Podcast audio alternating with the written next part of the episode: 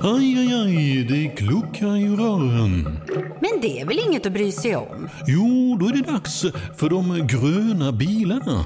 Spolarna behöver göra sitt jobb. Spolarna är lösningen. Ah, hör du? Nej, just det. Det har slutat. Podplay. Jag kan säga bara att jag har haft den här boken ligga hemma. Vad jag säger att jag ska träffa en, en kille som skriver om incels. Redan där har pulsen gått upp. Har du inte märkt det själv? Jo, antingen så vet man inte riktigt vad det är, eller så går man igång. Tror du folk kommer bli eh, förbannade när de lyssnar på det här avsnittet? Det är möjligt att vissa blir, men det är inte min avsikt, utan min avsikt är att man ska få en insikt om eh, den här problematiken och hur situationen är för en ljusskygg, väldigt okänd grupp. Då börjar vi, tycker jag.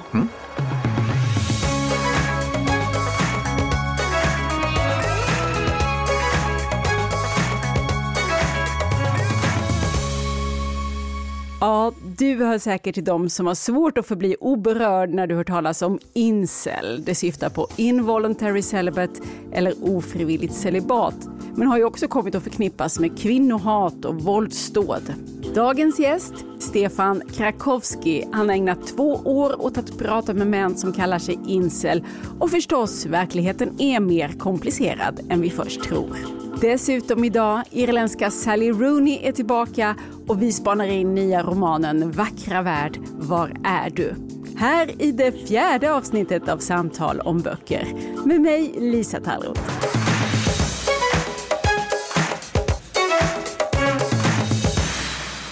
Stefan Krakowski, Ja, välkommen till Samtal om böcker. tack så mycket. Psykiatriker, överläkare till och med.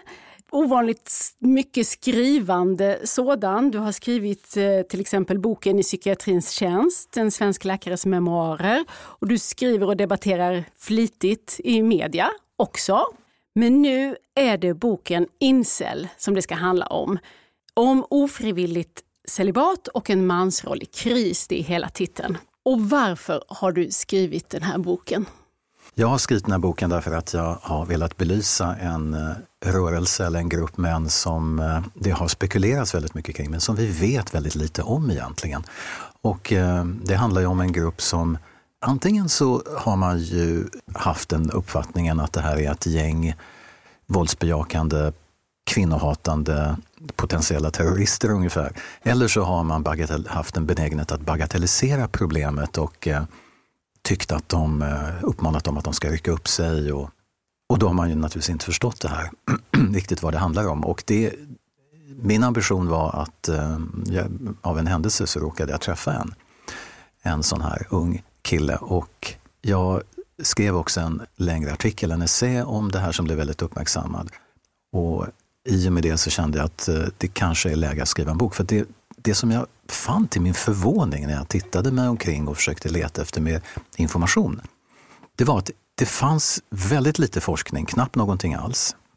Och det var relativt lite skrivet och det som var skrivet var spekulativt och baserat på nättrafik, det vill säga journalisten hade i följt konversationer på nätet på incelsajter och det ger en väldigt ytlig bild och en endimensionell uppfattning om vad det här kan handla om. Och jag kände att ska jag skriva en bok, då är ett absolut villkor att jag måste få kontakt med den här gruppen. Personlig kontakt, jag vill träffa dem, jag vill prata med dem, jag vill veta vad det här är. Hur de tänker, hur de lever, vad de tycker. Och jag insåg att det här kunde vara ganska svårt, för att inte säga omöjligt, därför att gruppen är ju skyr media och är väldigt misstänksam, ibland hatisk mot media därför att man anser att man har blivit framställd i ett ofördelaktigt ljus, ett orättvist ljus egentligen. Och så jag funderade på hur jag skulle bära mig åt. Och jag kom fram till att, till två saker egentligen. När det gällde Sverige så var jag tvungen att, även om jag inte ville det, så var jag tvungen att gå via Flashback.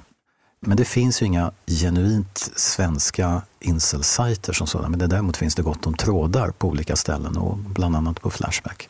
Så att jag var tvungen att börja någonstans.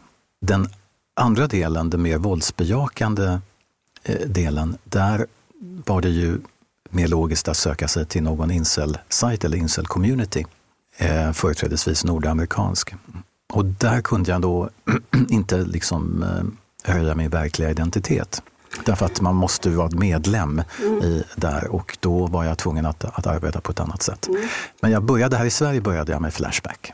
Vi ska såklart prata mer om hur du har gått tillväga, men jag undrar lite grann ändå ur startpunkten. Tänkte du så här att de här männen, det är en uppgift för psykiatrin? Om jag tänker på att det är din liksom hemvist inom det fältet. Nej, inte alls skulle jag säga, utan eh, jag, jag, kan, jag kan svara att psykiatrin har en viktig roll att fylla här, men jag är väldigt viktig att skilja på min roll som författare och skribent å ena sidan och läkare å den andra.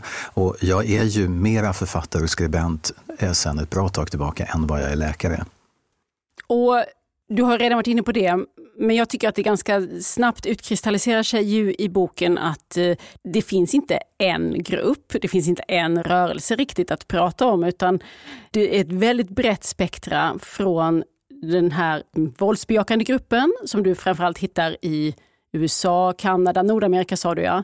Eller nu bara för några veckor sedan här så var det ju rubriker från eh, Storbritannien ja, där eh, med ett sånt här vansinnesdåd som jag vill kalla det. Men en kille som eh, mördade flera personer och han kallar sig själv incel och han gjorde kopplingar i sociala medier kring det här. Det är, det är den typen av incel som vi läser om i tidningen och som får rubriker.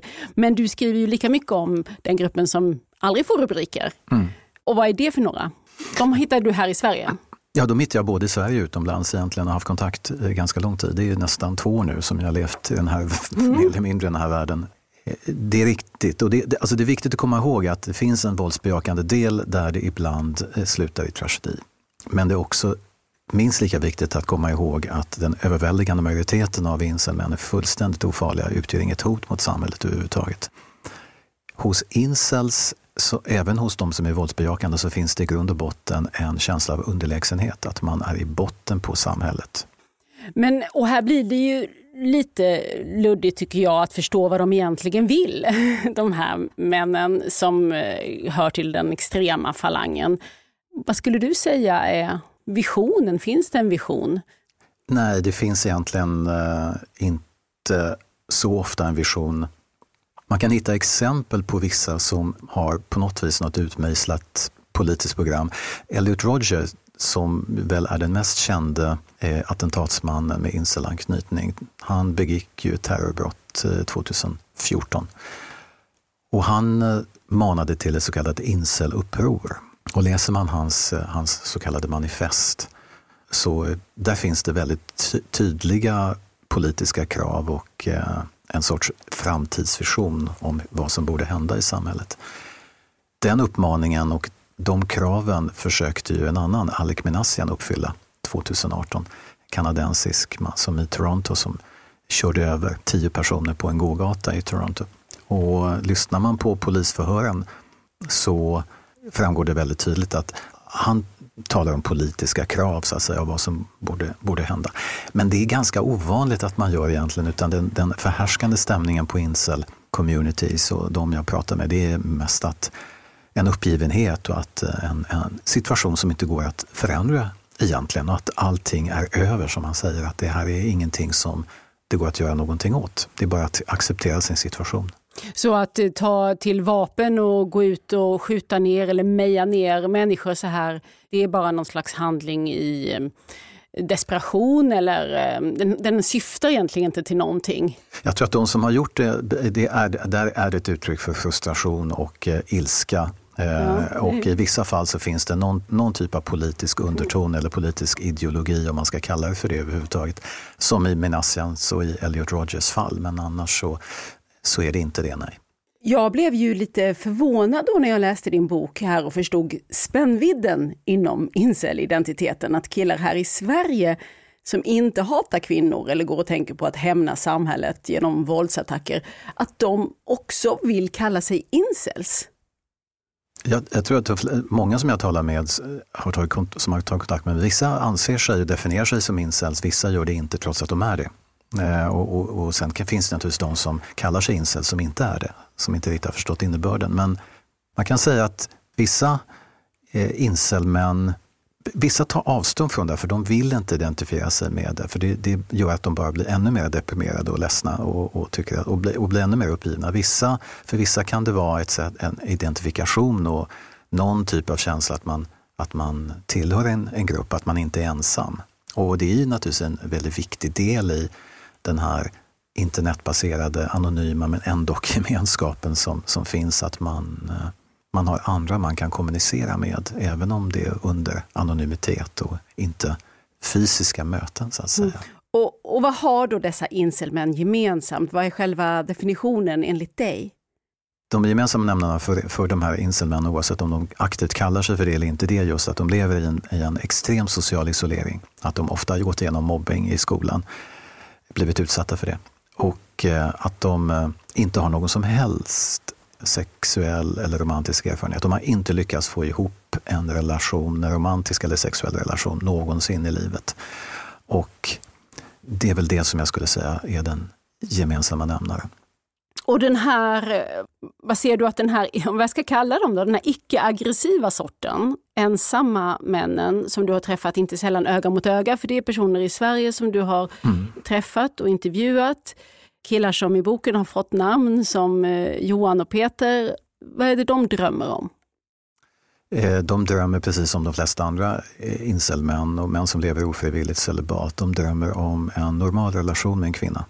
Eh, de beskriver att de vill ha familj och barn, även om det känns väldigt avlägset för att inte säga omöjligt.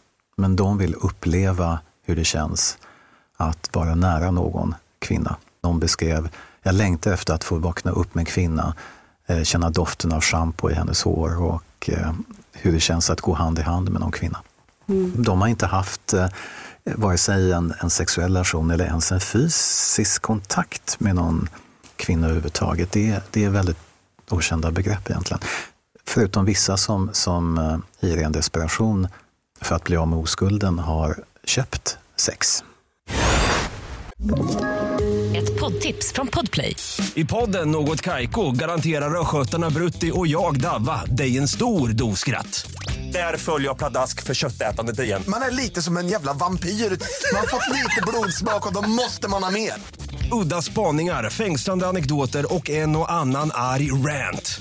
Jag måste ha mitt kaffe på morgonen för annars är jag ingen trevlig människa. Då är du ingen trevlig människa, punkt. Något kajko, hör du på podplay. Därför är gardinerna. Vad gör de själva för slags analys kring varför det har blivit så här? varför de inte kan få kontakt med kvinnor, eller med någon kvinna? Många, jag skulle säga majoritet, anser att de är för oattraktiva, för fula, för att hitta någon. Eh, för att i incels värld så är utseendet helt avgörande. De anser att kvinnor väljer män uteslutande efter utseendet. En snygg man kommer undan med vad som helst, hur han än är, till sättet och karaktären. Så att det, det är en väldigt viktig del av det hela. Men de tycker väl också att, de, eh, att kvinnor kräver alldeles för mycket av en man. Han ska inte bara vara snygg, han ska ha gott om pengar och han ska uppfylla så många krav och önskemål så att det nästan till är en omöjlighet. Men utseendet och utseendefixeringen är extrem i incelvärlden. Det är den verkligen. Och varför tror du att den är det? Ja, det är en bra fråga. Vi lever ju en, i en tid som överhuvudtaget är utseendefixerad. Det, det ser vi ju. Antalet skönhetsoperationer både för män och kvinnor har ju ökat lavinartat de senaste åren och eh, utseendet är viktigt. Och det är klart att den första kontakten, där spelar ju naturligtvis utseendet en, en roll, det vet vi ju. Men eh, det är naturligtvis en, en oerhört förenklad bild, för att inte säga en falsk bild, att, eh, som incelvärlden har, att kvinnor uteslutande går efter utseendet. Ja, det är inte utan att man undrar vilka troll det här skulle kunna vara. Men du skriver ju i boken att du kan i alla fall inte se att det här skulle vara något uppseendeväckande oattraktivt med de här killarna. Nej verkligen, nej, verkligen inte. Det är fullständigt normala utseenden som de här killarna har. Men de har ju en skev självbild. Och det är klart att det blir en ond cirkel därför att om man lever i nästintill total social isolering framför en dataskärm och inte har kontakt med någon person och inte behärskar de sociala koderna och inte riktigt vet hur man ska förhålla sig till omgivningen, då blir det en ond cirkel. Mm. Att när man väl, om man nu skulle våga sig på att göra ett försök, så blir det säkert inte så lyckat och då blir man avvisad eller man möts av, av förvåning eller likgiltighet eller till och med fientlighet. Och då förstärks ju den här känslan. Och man får mer ångest och kanske psykiska besvär och får depressionsproblem och så vidare. Så att det blir det blir som en ond cirkel egentligen och det är ju den här sociala isoleringen, den här cirkeln som måste brytas enligt mig. Det är oerhört viktigt att mm. man gör det. Det här med isolering framstår också som en central gemensam nämnare för alla som kallas, eh, kallar sig incels. Och jag vill gärna återkomma till det, men jag tänkte på det här eh, att eh, ensamhet och ofrivilligt celibat måste ju ha funnits i alla tider. Men i boken här så argumenterar du för att det nu är ett växande problem och att det också är en konsekvens eller en spegling av vår tid. Är det så du ser på det?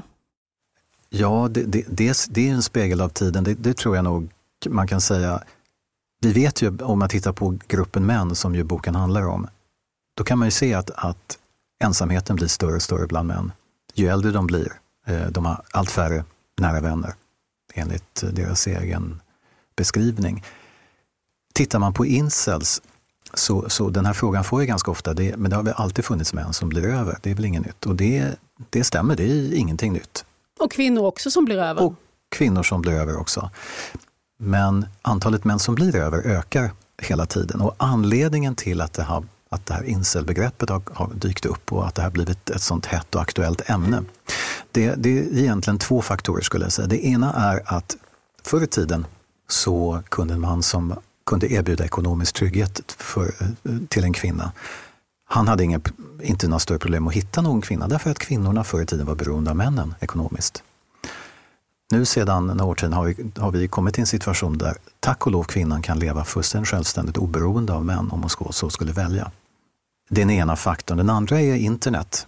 De här männen tidigare som satt utspridda och utan kontakt med varandra, de fanns där och kunde inte hitta någon partner. Men nu kan de hitta varandra på nätet där de kan antingen trösta och stötta varandra eller som ofta är fallet hata och hetsa varandra. Och vi lever i en tid som är extremt polariserad och nätet har ju inneburit bland annat den, den avigsidan att eh, det är mycket hat och det är polarisering och det är ganska hårt, ett hårt klimat.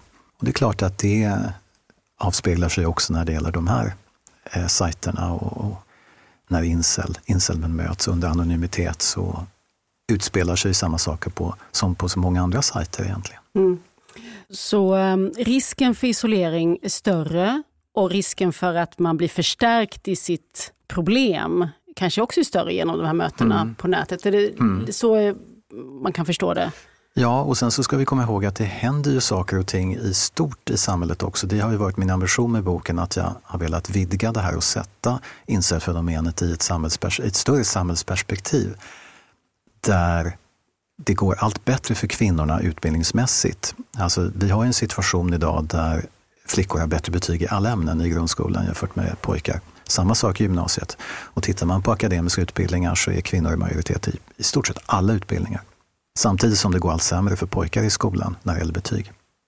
Och samtidigt en situation där kvinnor av hävd och tradition, också i ett relativt jämställt samhälle som Sverige, väljer traditionellt partners, alltså män som har samma utbildningsnivå och inkomstnivå eller högre. Så har det alltid varit och det fortsätter att vara på det viset. Och om vi har en situation där det finns allt färre män som kan matcha de här välutbildade kvinnorna, så har man ju en situation där allt fler män så att säga blir över mm. och är ratade. Därför att en man med låg utbildning och låg han är inte, han är inte intressant vare sig på arbetsmarknaden eller, på, eller partnermarknaden. Så att säga. Så det är ganska, ganska viktigt, viktig sak att komma ihåg i sammanhanget. Det skapar ju problem för kvinnor också, för urvalet ja, blir drastiskt mycket mindre och absolut. till skillnad från män så har ju kvinnor ett, ett min, eller kvinnor har ju ett mindre fönster om man vill hinna skaffa barn. Så och sådär. Det. Så, är så det. det är ju något som slår i fler riktningar, den situationen. Ja, och det, vi kan ju också se, en, en av konsekvenserna är ju att assisterad befruktning, eh, när man tittar på det, så är 40, nästan hälften av de kvinnorna ensamstående, inte i en parrelation. Så det, det händer någonting och det, det, går ganska snabbt. Dessutom har vi ett unikt mansöverskott i Sverige och det innebär i sig ett problem. Fler män än kvinnor. Du pendlar ju i boken mellan det här strukturella perspektivet och, och eh, du bjuder in många andra forskare också att diskutera samhällsförändringar och olika aspekter av både könsrollernas förändring och arbetsmarknadens förändring och så vidare. Varvat med de här mötena med personer. Jag förstår det som att det är, det är killar i Sverige som du har träffat och suttit med öga mot öga. Mm. Och de utländska, amerikanska i första hand, va? Eh, incels, de har du mött in, på internet. Ja, men också i, eh, på, med privata kontakter också. Precis, men du har, har, du träffat dem fysiskt? Nej, det har jag inte, det har jag inte kunnat göra. Eh, och hela den här, eh, nej, precis, och hela den här undercover-biten är, är, väldigt intressant. För det var för att komma i kontakt med den amerikanska och som det också har visat sig mer aggressiva, extrema delen av incel-rörelsen, så fick du gå undercover helt enkelt. Ja. Hur då? Berätta. Ja, den, den incel-community som jag är medlem, fortfarande är medlem i faktiskt. Um, är du en incel, Stefan? Just, ja, jag är en 28-årig incel som bor hemma hos föräldrarna som aldrig haft uh, ens varit i närheten av en kvinna. Det är din roll? Det är min, roll, det är min roll i det här. så att det ska bli missförstånd där. där var jag tvungen att göra det därför att jag ville komma de här så nära som möjligt och eh, det här var väl så nära jag kunde komma egentligen. Och det har varit en väldigt dramatisk eh, resa under de här snart två åren. Jag har ju levt med det här nu dagligen nästan två års tid och det blir till sist så att det blir någon sorts, eh, hur konstigt det här än låter, någon sorts andra identitet. Jag, det händer någonting konstigt till sist att man när jag är inne och, och kommunicerar och är en del i den här communityn så till sist så blir det som ett andra språk, eh, ett andra liv man lever och även om det är via nätet. Och, och jag, precis som de andra, lär oss ju se när det kommer någon inkräktare. Alltså de här sajterna övervakas ju av FBI och underrättelsetjänsten och ibland stängs de ner därför att om det blir för hatiskt eller så vidare. Så att de flesta vet ju hur man ska uttrycka sig och att, var gränsen går så att säga. Men det blir också det att man har en sorts en känslighet och, och känner när någon lägger ut någonting och det blir ofrivilligt komiskt när vid något tillfälle för, för några månader sedan när någon la ut någonting på den här kommunen. Och jag, jag tillsammans med andra kunde säga att det här är fejk. Och jag, och jag blir upprörd. Jag blir upprörd och arg över att här kommer någon och försöker att under falsk identitet försöka föreställa en incel. Tills jag kommer på mig själv att nu, nu, får du verkligen lugna ner dig. Du är verkligen inte en incel. Men det blir så när man lever i det här så, så Ja, det låter som att du nästan håller på att självradikaliseras. Ja. det är liksom så det går till. Ja, ja. ja, men det är så det går till, att man sugs in och blir eh, engagerad. Ja, man blir engagerad och, och, eh, och samtidigt så är det en, en svår balansgång. Och eh, det ska jag villigt erkänna, att, att om det är någon som säger, för det förekommer då att någon har bestämt sig för att ta sitt liv, då vill jag, det är det jag gör när jag jobbar som läkare, jag försöker förhindra tragedier att folk tar livet av sig. Och det är ju hela tiden en, det lever man med, speciellt om man jobbar som jag inom akutdelen, att det handlar om att försöka avväga och bedöma och se, är den här patienten suicidbenägen? Hur, hur, hur ska vi gå tillväga nu? Hur ska vi förhindra det här? Hur, så att det här är en reflex som sitter djupt hos mig. Och när jag nu i egenskap av infiltratör som det var när det här dök upp så var det ju på något vis svårt därför att om jag hade jag gått in och uttryckt mig på ett sätt där jag hade velat förhindra, då hade jag blivit avslöjad på en gång. För man, det funkar inte riktigt på det viset. Vad säger man om man är incel till någon som, som eh, skriver att ja, ju, nu det är lite, Det är lite olika. Antingen så säger väldigt många säger liksom good luck bro eh, och lycka, misslyckas inte nu utan liksom tänk på att du gör det på rätt sätt. Eller vissa som möjligtvis kan säga att gör inte för det, ändå är, det är meningslöst och, och så vidare. Men om jag hade gått in så hade jag uttryckt mig på ett sätt som gjort att jag blivit avslöjad. Och då har jag ibland gjort så att jag övergått till, som jag gjort ganska ofta, en privat kontakt, att man kommunicerar privat.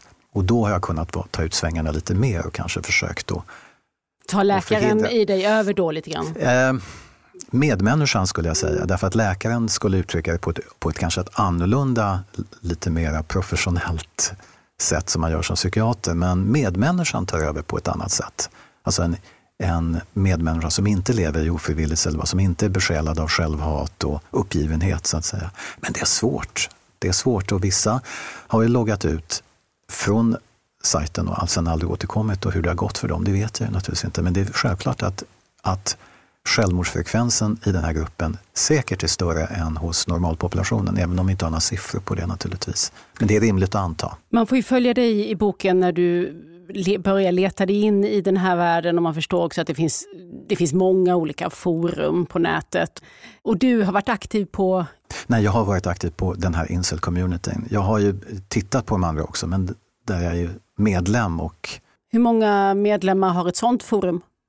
Ja, det är ju lite svårt att säga för att många är ju där med ett, ett annat IP-nummer och kommer och går och så vidare, men det är ju hundratusentals. Och vad är det för slags samtal som förs då? Det handlar om väldigt många olika saker, men det är, det finns, antingen så, så ventilerar man det som bekymrar en. Man kan på något vis säga att nu hände det och det och jag blev avvisad där och någon tittade konstigt där och så jag blev behand, illa behandlad och så berättar man om det.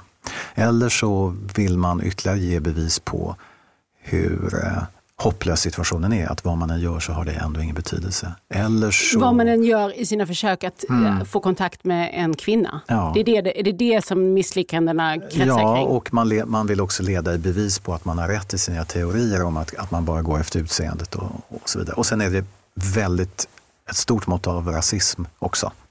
Ja, för det har varit min föreställning om just de här eh, amerikanska eh, incelgrupperna, att det är liksom ett eh, mischmasch av eh, hat där den här delen riktad mot kvinnor är liksom bara en del i en fascistisk, nationalistisk världsbild.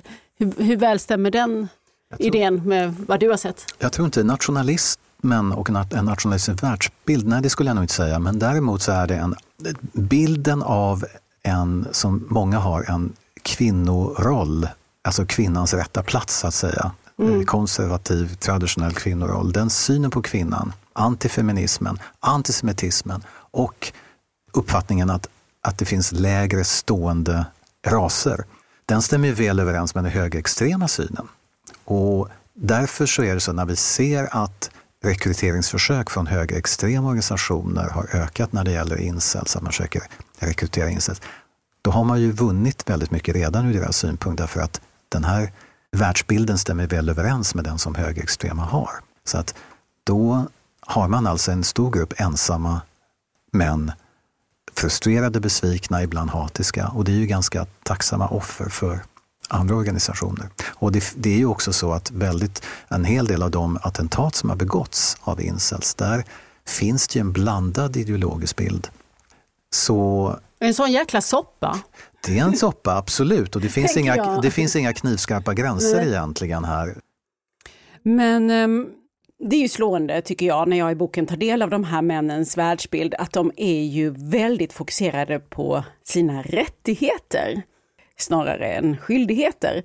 De är väldigt mycket mer upptagna med vad de borde få än vad de skulle kunna tänkas ge. Det är lite som om relationers enda poäng är att man ska få ta emot. Uh, och de tycks inte längta efter någon att älska så mycket som att de längtar efter att själva bli bekräftade. Uh, I rättvisans namn tänker jag att det här är ju inte något unikt för incels, även om det kanske är den extrema yttringen av hela vår kultur, eh, romantikens död. Mm.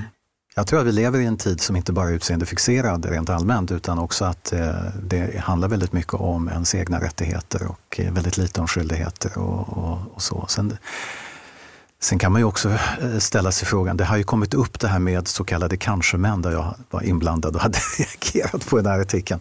Kanske-män är de som som inte vill binda sig utan som håller kvinnor på halster länge allt medan tiden går och eh, kanske den biologiska klockan tickar ja, för kvinnor. Ja, precis det här dök upp och då vill jag gärna då möta det här och, och säga att det naturligtvis finns det så kallade kanske men det, det jag ville säga då var ju naturligtvis att eh, männen blir ju minst lika mycket ratade som kvinnor, om inte mer. Jag, jag kan nog leda ganska enkelt till bevis att män blir, att män blir mer ratade så att säga än, än kvinnor.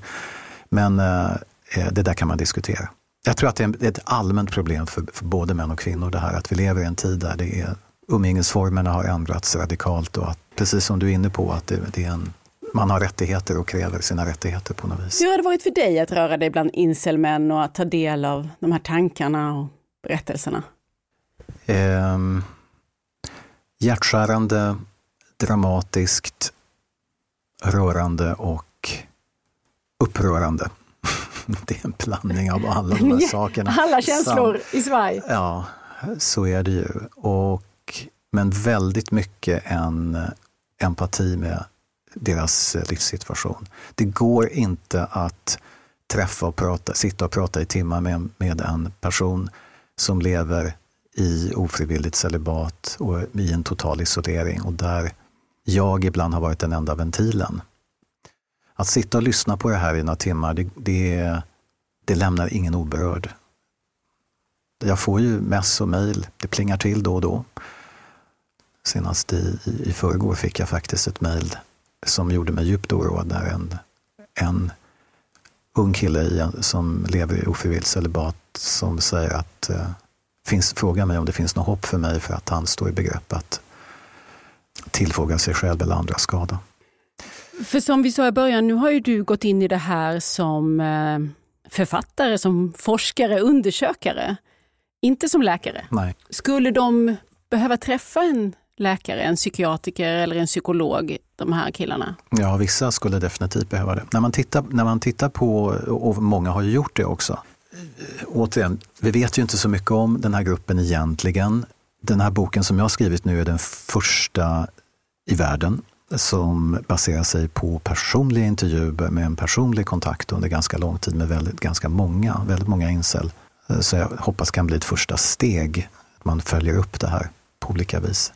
Men ehm, det är otroligt viktigt att man uppmärksammar de här männens situation och när det gäller eh, psykiatri i kontakt med, med den psykiatriska vården och vården överhuvudtaget så tittar man på just en, en, en incel-sajt har gjort ibland sina interna opinionsundersökningar där det har varit ungefär 500-600 som har svarat, så det är hyfsat många ändå med tanke på hur svårt det är att få fram resultat. Men ungefär en, närmare en tredjedel svarar att de har autismdiagnos eller autismproblem. Och lägger man till om de har psykiska besvär, depression, ångest och så vidare, då är vi uppe i 70 procent. Sen så kan man ju ställa sig frågan vad som är vad här. Eh, det är klart att lever man i ett liv i total isolering, inte kontakt med någon och känner sig bortstött och utanför, allt det, då, då är det klart att då är det inte så konstigt att man mår dåligt och kanske råkar in i depressioner och ångestbesvär och så vidare. Så att vad som är hönan och vad som är ägget, det kan man ju naturligtvis diskutera. Men en hel del har haft kontakt med psykiatrin. Vissa har varit nöjda, många är missnöjda och har slutat med den kontakten. Vissa har aldrig haft kontakt, skulle behöva ha det. Du sa att det är viktigt att vi uppmärksammar det här problemet. Vem är det du tänker som ska uppmärksamma det? Är det sjukvården eller det är olika aktörer. När vi talar om den här våldsbejakande, mer farliga delen, så att säga, den lilla, lilla delen som det utgör. Där är det naturligtvis traditionellt underrättelsearbete, Säpo. När det gäller de andra så handlar det om familj. Att föräldrar måste kanske bli mer medvetna om att sonen lever ett, ett liv i utkanten och, och där är problem. Eventuella vänner i den mån sådana finns. Skolan är jätteviktig. Om det är någon som är utanför och är avvikande på olika vis, då är det viktigt att uppmärksamma det och fånga in det. Vården och speciellt psykiatrin måste kunna ställa lite fler frågor kring det här och vara medveten om det här problemet. Det är också viktigt. Så det, det är liksom en, en insats från olika mm. aktörer här som jag ser det. Det är ju uppenbarligen människor som mår väldigt dåligt, men som också, jag tror många blir väldigt provocerade av. Mm. Vilka krav eller förväntningar kan ställas på de här männen, de här incelmännen? Ja, det är en viktig fråga och den dyker upp då och då. Och jag kan tänka mig att vissa, speciellt kvinnor, blir provocerade och eh, känner att ja, men ska vi ta ansvar för deras brist på avsaknad av sex och vidare? Nej, naturligtvis inte. Det finns, alltså varje individ har ett ansvar för sitt liv och sina handlingar. Och det är klart att incelmännen måste också ta sitt ansvar. Även om det är saker och ting vi andra kan göra för att bryta deras isolering och erbjuda dem hjälp, så har de ett eget ansvar för sina liv och de måste göra en insats också med, med hjälp av oss andra skulle jag säga. Det är definitivt inte kvinnornas ansvar, det, det, det förtjänar att upprepas. Ja, det förtydligar vi. Men för, för det återkommer ju, återkommer ju också i de här samtalen du har med incels att de har gett upp. Så 20 år de är, vilket ju också är något som är gemensamt för många, att de är ändå förhållandevis unga, det tycker jag ja, i alla fall. Ja, ja. Men de är ju mellan 20 och 30, med några undantag har du, men, men att de är unga ändå och tänker att det finns ingenting som jag kan göra. Eh, Så hur ska man komma åt, vad tänker du?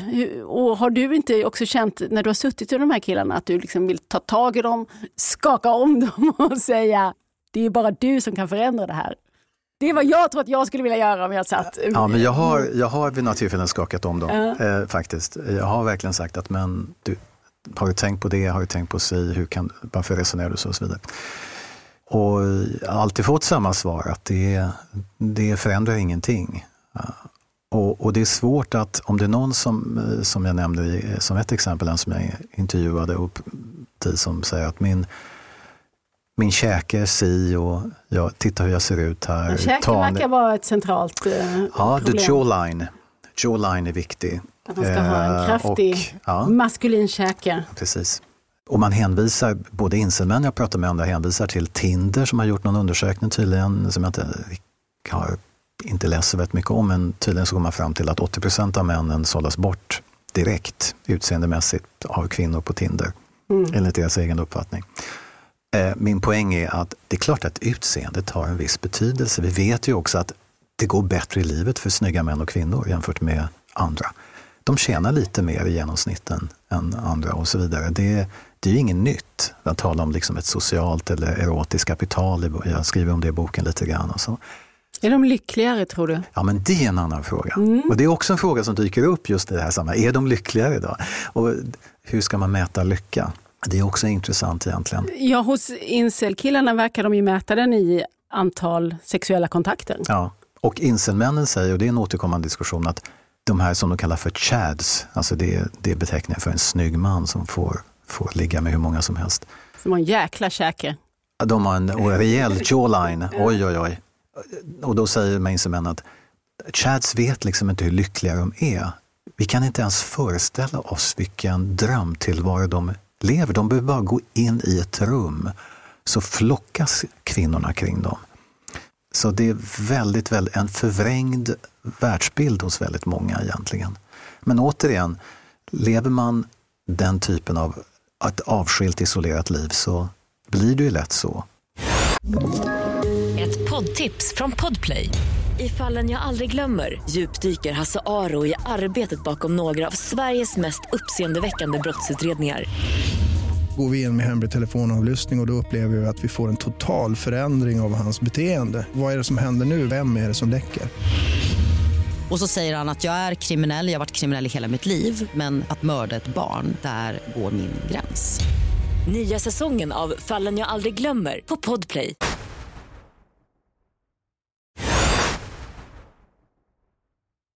Då och då när jag läser din bok så känner jag att, eh, att jag förstår dem precis, de här killarna. Jag menar att det är en väldigt allmänmänsklig erfarenhet som de ger uttryck för, nämligen att livet är jättesvårt.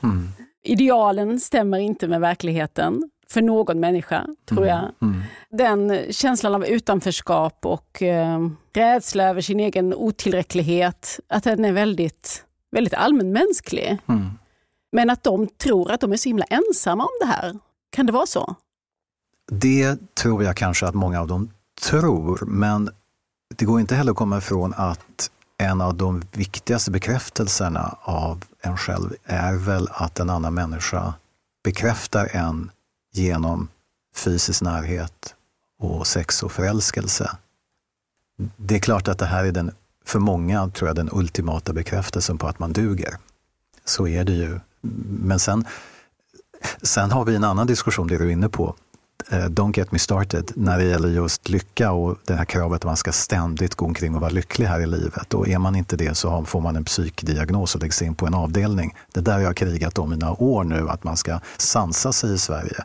Att vi kan inte stämpla folk som psykiskt sjuka och skriva ut medicin och lägga in dem på avdelning därför att de tillfälligtvis eh, känner sig deppiga för en relation krånglar och har tagit slut eller att man har missat sitt jobb eller inte kommit in på en utbildning. Eh, nu hårdrar jag det hela, men det här är ett reellt problem, verkligen. Så vår, vårt krav på att gå omkring och vara ständigt lyckliga i Sverige, det är ämnet för en separat podd skulle jag säga. Det blir, en, det blir kanske en bok om det också så småningom. Det slår mig ju ändå att de har ju, många av dem, erfarenheter av antingen en, en riktigt svår, svåra uppväxtvillkor eller lever med diagnoser, autism eller Asperger. Ja, ja visst. Eh, så hur, hur viktar du in den, det i det hela? Ja, det är en viktig del, även om det naturligtvis inte gäller alla. Eh, eller uppväxtförhållanden som har varit eh, ganska stormiga och problematiska. Men du tycker inte man kan göra det så enkelt för sig att man säger att det är det här det handlar om? Det är därför du inte kan inleda några relationer? Det, precis, det är att göra det lite för enkelt för sig. Det, det är viktiga delkomponenter, men det är naturligtvis mer än, mer än så. Det är det. Och du eh, lägger ut hela det här eh, tankebordet i boken. Det är väldigt intressant att ta del av och du bjuder också in många andra att, att hjälpa dig att fundera kring varför vi har den här situationen, varför vi har den här gruppen män som kallar sig incels. Tusen tack Stefan Krakowski för att du kom hit till Samtal om böcker. Tack själv, tack för att jag fick komma.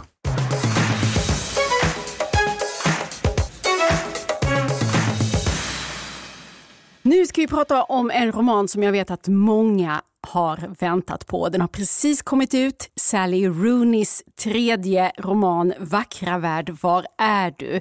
Denna 30-åring från Irland gjorde ju skrälldebut med Samtal om vänner för några år sedan. Sen kom Normala människor som också blev en fantastisk tv-serie på SVT. Så nu är vi spända och nyfikna på vad hon har åstadkommit den här gången, Sally Rooney. Johanna Hägerström, du är hennes förläggare här i Sverige på Albert Bonniers förlag Vackra värld, var är du? heter boken och vad är det vi får den här gången? Ja, alltså en roman som verkligen eh, var efterlängtad rent personligt för mig också måste jag säga. Alltså, har man läst Sally Rooney förut, Samtal med vänner eller normala människor, så kommer man känna igen sig. Hon är ju fortfarande väldigt upptagen vid mänskliga relationer och hennes romanpersoner är också det, fullkomligt uppslukade av sina trassliga relationer och av liksom gråzonerna som finns mellan kärlek, sex och vänskap. Och den här gången så får vi följa fyra personer. Framför allt i centrum står vänskapen mellan två kvinnor, Alice och Eileen. Alice är en firad romanförfattare som har haft stora internationella framgångar, gått igenom en kris och sen dragit sig tillbaka. Och Eileen, hennes väninna, är väl liksom, ja men hon, hon rör sig också i den litterära världen men hon, hon har ett vanligt jobb på, hon är redaktör på en litterär tidskrift, bor i Dublin, lever ett mycket liksom mindre liv om man säger så. Och de här två kvinnornas vänskap står i centrum. Det finns en kil som har kommit in mellan dem som man liksom så småningom märker, de har någonting de behöver prata om.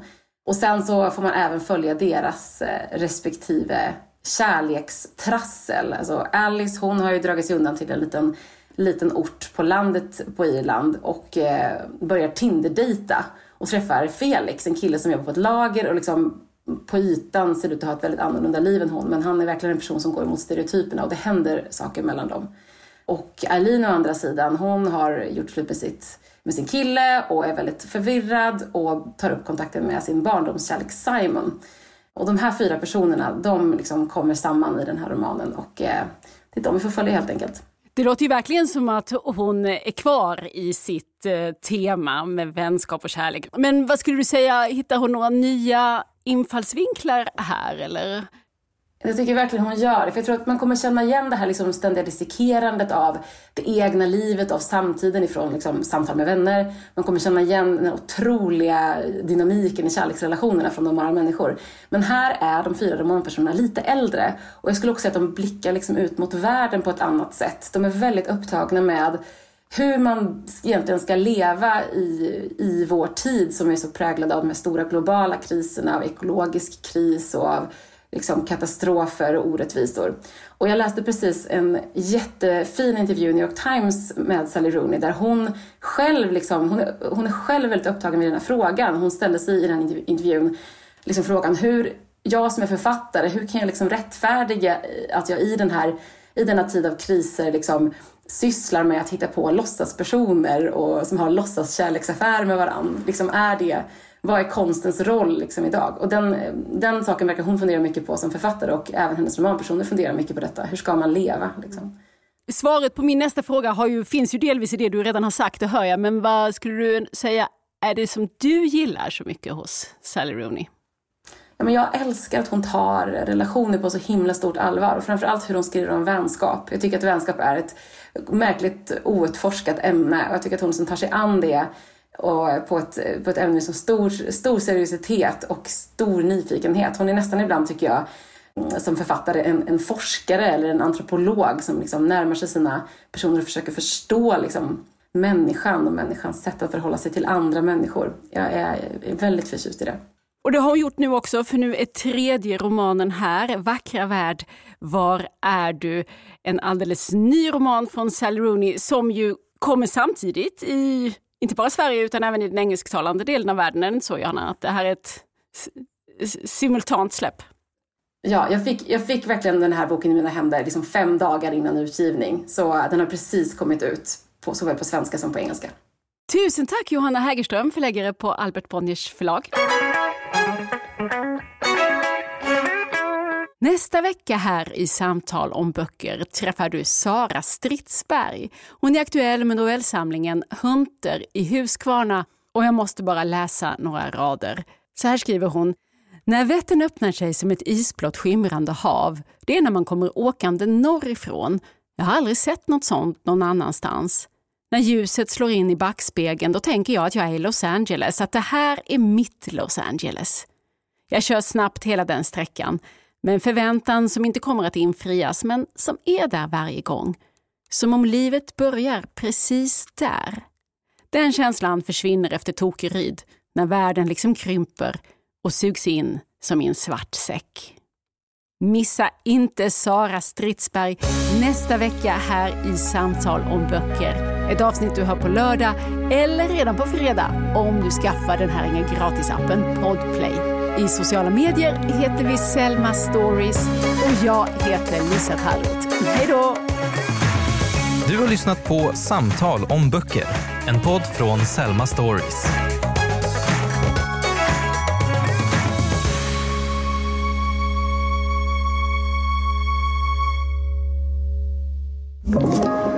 Podplay. Poddtips från Podplay. I podden Något Kaiko garanterar östgötarna Brutti och jag, Davva, dig en stor dos skratt. Där följer jag pladask för köttätandet igen. Man är lite som en jävla vampyr. Man har fått lite blodsmak och då måste man ha mer. Udda spaningar, fängslande anekdoter och en och annan arg rant. Jag måste ha mitt kaffe på morgonen för annars är jag ingen trevlig människa. Då är du ingen trevlig människa, punkt. Något Kaiko, hör du på Podplay. Därför arkadeinerna.